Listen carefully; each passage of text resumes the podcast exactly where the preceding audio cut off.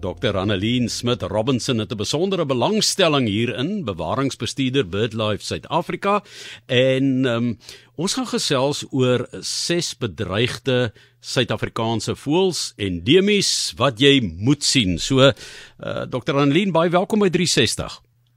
Baie baie dankie. Dis lekker om saam met julle te kuier, Johan. En kan jy vir ons 'n voëlvlug gee oor die ses voëls uh, of spesies wat bedreig is en wat jy sou sê dis 'n moet sien in Suid-Afrika. Seker Johan, so ek het gedink ons begin met die sekretarisvoël vandag. Maar miskien om net 'n bietjie agtergrond te gee, omtrent 15% van ons voëlspesies van die 877 in Suid-Afrika is bedreig. So ons gaan net so 'n baie klein seleksie van daardie deel vandag. Maar die sekretarisvoël is iets wat 'n uh, voël wat maklik verwar kan word met ons nasionale voël, die blou kraanvoël. Maar die sekretarisvoël is ook belangrik. Nie net lyk hulle dieselfde nie, maar dit is 'n roofvoël wat enig is in hul genus en hulle kom baie wyd versprei in Suid-Afrika, ag in Sub-Sahara Afrika voor. En in Suid-Afrika doen ons baie navorsing en ons is ook belangrik vir ons om die spesies te bewaar en ook om saam met die boere te werk om seker te maak dat 'n habitat is vir hierdie sekretarisvoël. Hulle word deesdae beskou as bedreig. Ons het een van hierdie voëls getrek onder andere en op 2 jaar en 9 maande het Tamani begin broei. En ehm um, dit vir die langste wat 'n sekretarisvoël nog ooit getrek was, het nog ooit die bewegings gemonitor het van 'n sekretarisvoël. En ons het gelukkig genoeg gewees om amper 5 jaar data van hierdie voël um, te kry. So een van die grootste bedreigings vir die sekretarisvoël is spesifiek klimaatsverandering, oorbeweiding. Hulle het redelike oop areas nodig, maar ook goeie habitat. So 'n um, mensgemaakte infrastruktuur is nog 'n bedreiging. So ons kyk spesifiek na Hakkiestraat, die ongelukkig op die voels pas in daai in daai drade wat die boonste deel van die draad plaasdrade, so 'n spesifieke projek waar ons saam met boere wil werk om dit aan te spreek en dan ook kraglyne en natuurlik ook sekondêre vergiftiging. Nou sekretarisvoëls is baie belangrik in hulle ekologiese rol as 'n roofvoël in terme van knaagdiere en plaagbeheer want hulle eet omtrent net knaagdiere as ook sprinkane en dan baie mense sal bly wees om dit te hoor, ook slange. Ja, ja Anneke, is dit goed as ek aanbeweeg na die volgende spesies toe? Ja, want ek dink jy wil nou by nog 'n kritiekbedreigde spesies uitkom en as ek reg is, wil jy graag loer na daai ene wat so op die karkasse teer, né? Dis heeltemal reg en nou miskien 'n vreemde een om te kies as 'n moedsien spesies, want ek dink die meeste mense sal sê dis nie die mooiste van spesies nie. Maar baie van ons aardvoëlspesies wat in Afrika, Europa en in Indië voorkom, is baie bedreig. En inderdaad dit word besien as die groep spesies, voëlspesies in die wêreld wat die vinnigste afneem. En ons het 9 aardvoëlspesies in Suid-Afrika. Vier van hierdie is krities bedreig, so die die witrug aardvoël, die monnik aardvoël, dan die witkop en ook die swart aardvoël. En die maklikste plek om hierdie aasvoëls te sien is natuurlik in ons nasionale parke waar daar groot vyf voorkom, so veral in die ooste en die noordelike dele van die land. Maar ons is ook gelukkig om ons naby endemiese kraansaasvoël te hê wat net in Suidelike Afrika voorkom. En hulle kan selfs gesien word in die Oeverberg by Potberg en dan ook natuurlik in die Drakensberg. In die Drakensberg het ons nog 'n spesies Dis die baardaasvoël en die naaste ander populasie van die baardaasvoël is in Ethiopië. Nou aasvoëls is verskriklik belangrik, nie net vir hulle eie gesondheid nie, maar ook vir die mensgesondheid. Hulle lewer 'n diens en daarmee daarvan dat hulle die ekosisteem help om skoon te hou, so hulle is op hierdie karkasse en dan um maak hulle seker dat dat die karkasse verwyder word en dat dit skoon is.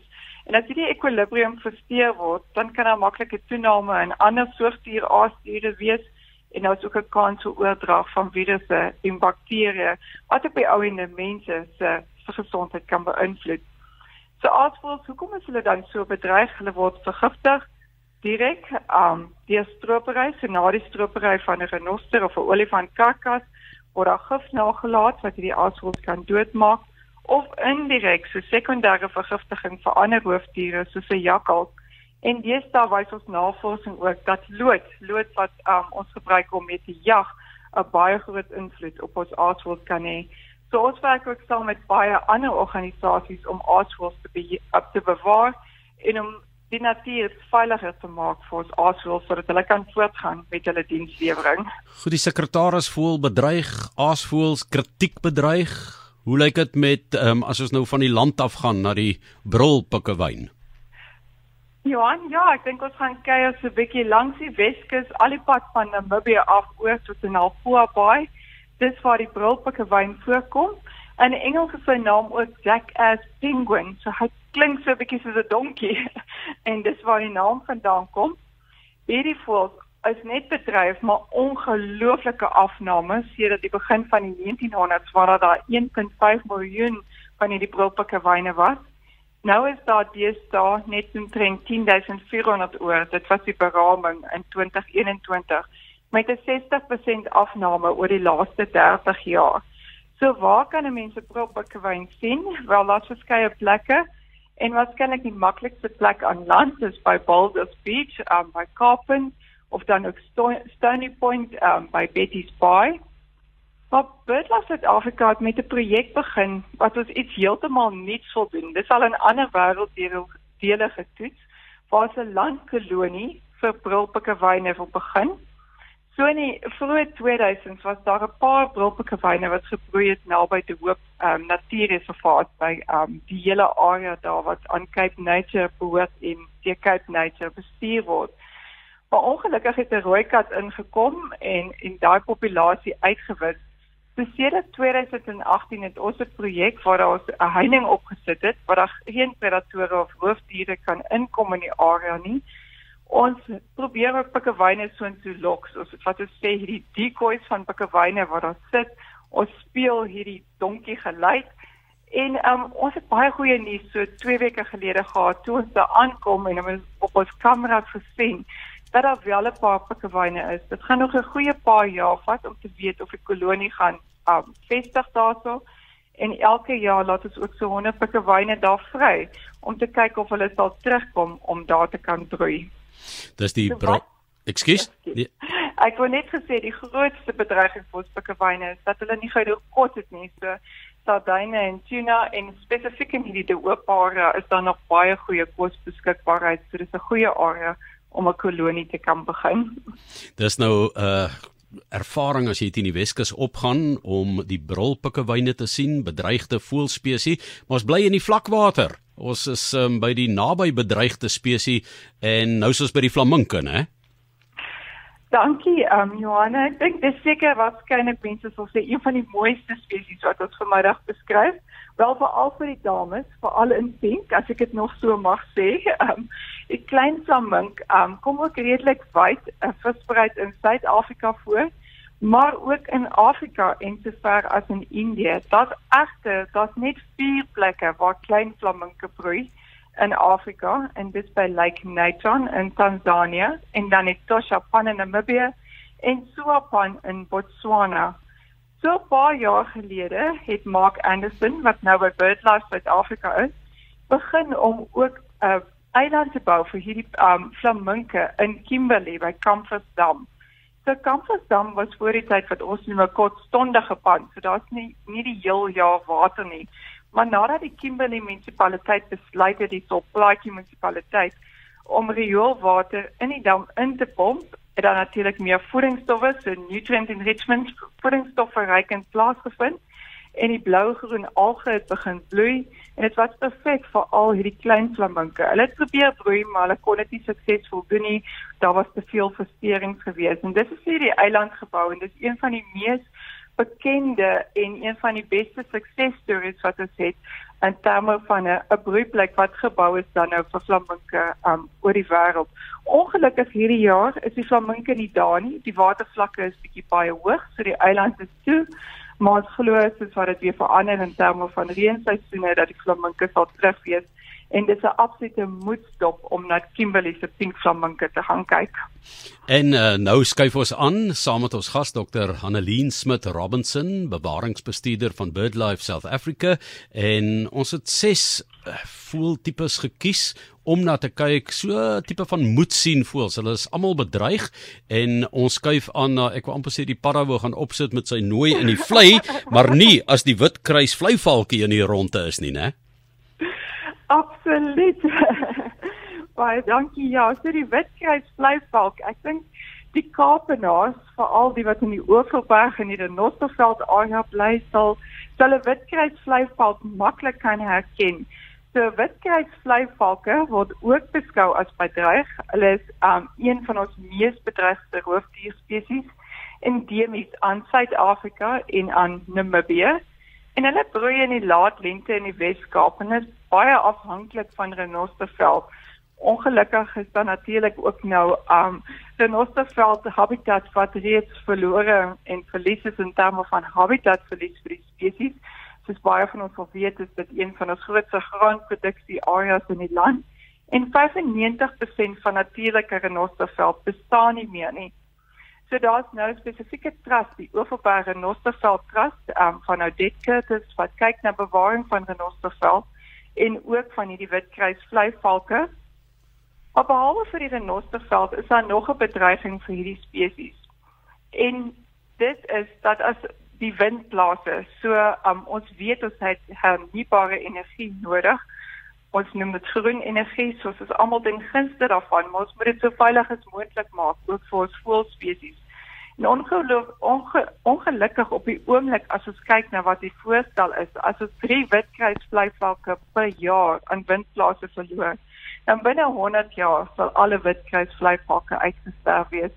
So ek dink almal sal saamstem dat ons moet saamwerk om om dit om te draai en die afname van hierdie voëls um eerder positief te maak. En op die oomblik is daar so 1300 geskatte volwasse voëls van witkruisvleivalke oor in Suid-Afrika en dan ook in Namibië. Wel, ons het begin saamvat. Ons moet nou weer die vlekkies toefou wat ons so lekker gesprei het saam met Dr. Annelien Smit Robinson en jy sê hierdie laaste ene. Uh, uh dit is dis nou 'n groot regmerk vir voëlliefhebbers en voëlkykers. Dit is amper om die kroon te span en dit is die wit vlerk vleikuiken ook kritiek bedreig, né? Absoluut kritiek bedreig en ek dink soos ons kan sê die heilige graal of die holy grail vir so baie voëlkykers baie baie moeilike spesies om te sien. So dit is aan almal wat ek vandag bespreek het, by ver die moeilikste en die mees gesogte om in die hande te kry. Daar word geskat dat daar omtrent net 250 volwasse voëls van witvlek vleikykens wat in hoogliggende vlei lande in Ethiopië en Suid-Afrika voorkom, oor is in die wêreld. Wat BirdLife Suid-Afrika werk nou al vir meer as 10 jaar um baie uh, noukeurig saam op hierdie spesies saam met ander organisasies en ons het uitgevind dat hulle broei in die suidelike halfrond naby Dalstroom So dit hierdie nuus het ons eers in 2018 gekry. Ons het gedink hierdie spesies wat so geheimagtig is, broei absoluut net in die noordelike halfrond, maar hulle broei ook in die suidelike halfrond.